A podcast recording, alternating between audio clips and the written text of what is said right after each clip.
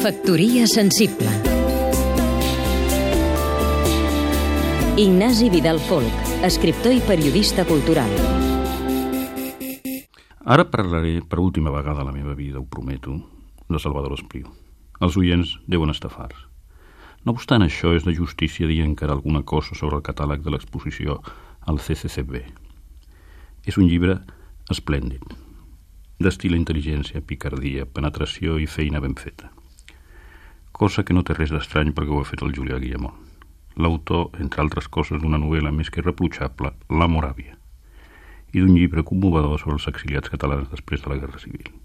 També el seu treball per l'exposició del CCCB és admirable perquè ha sabut treure petroli i imatges d'una vida, la de Salvador Espriu, sense imatges, sense iconografia, sense bellesa, sense dones, més aviat seca i molt trista. El catàleg aporta documents il·luminadors, reveladors. Posaré dos exemples. Un, el manuscrit de la breu nota sobre pla que Espriu va escriure i freda i meticulosament va corregir durant 12 anys. L'altre, el decàleg que va redactar per no perdre el temps i que el deixessin en pau, sent ja gran, el 1983. Aquest any, doncs, escriu No faré més pròlegs per a cap llibre, no donaré més conferències, no vindré a més entrevistes periodístiques, radiofòniques, televisives, etc.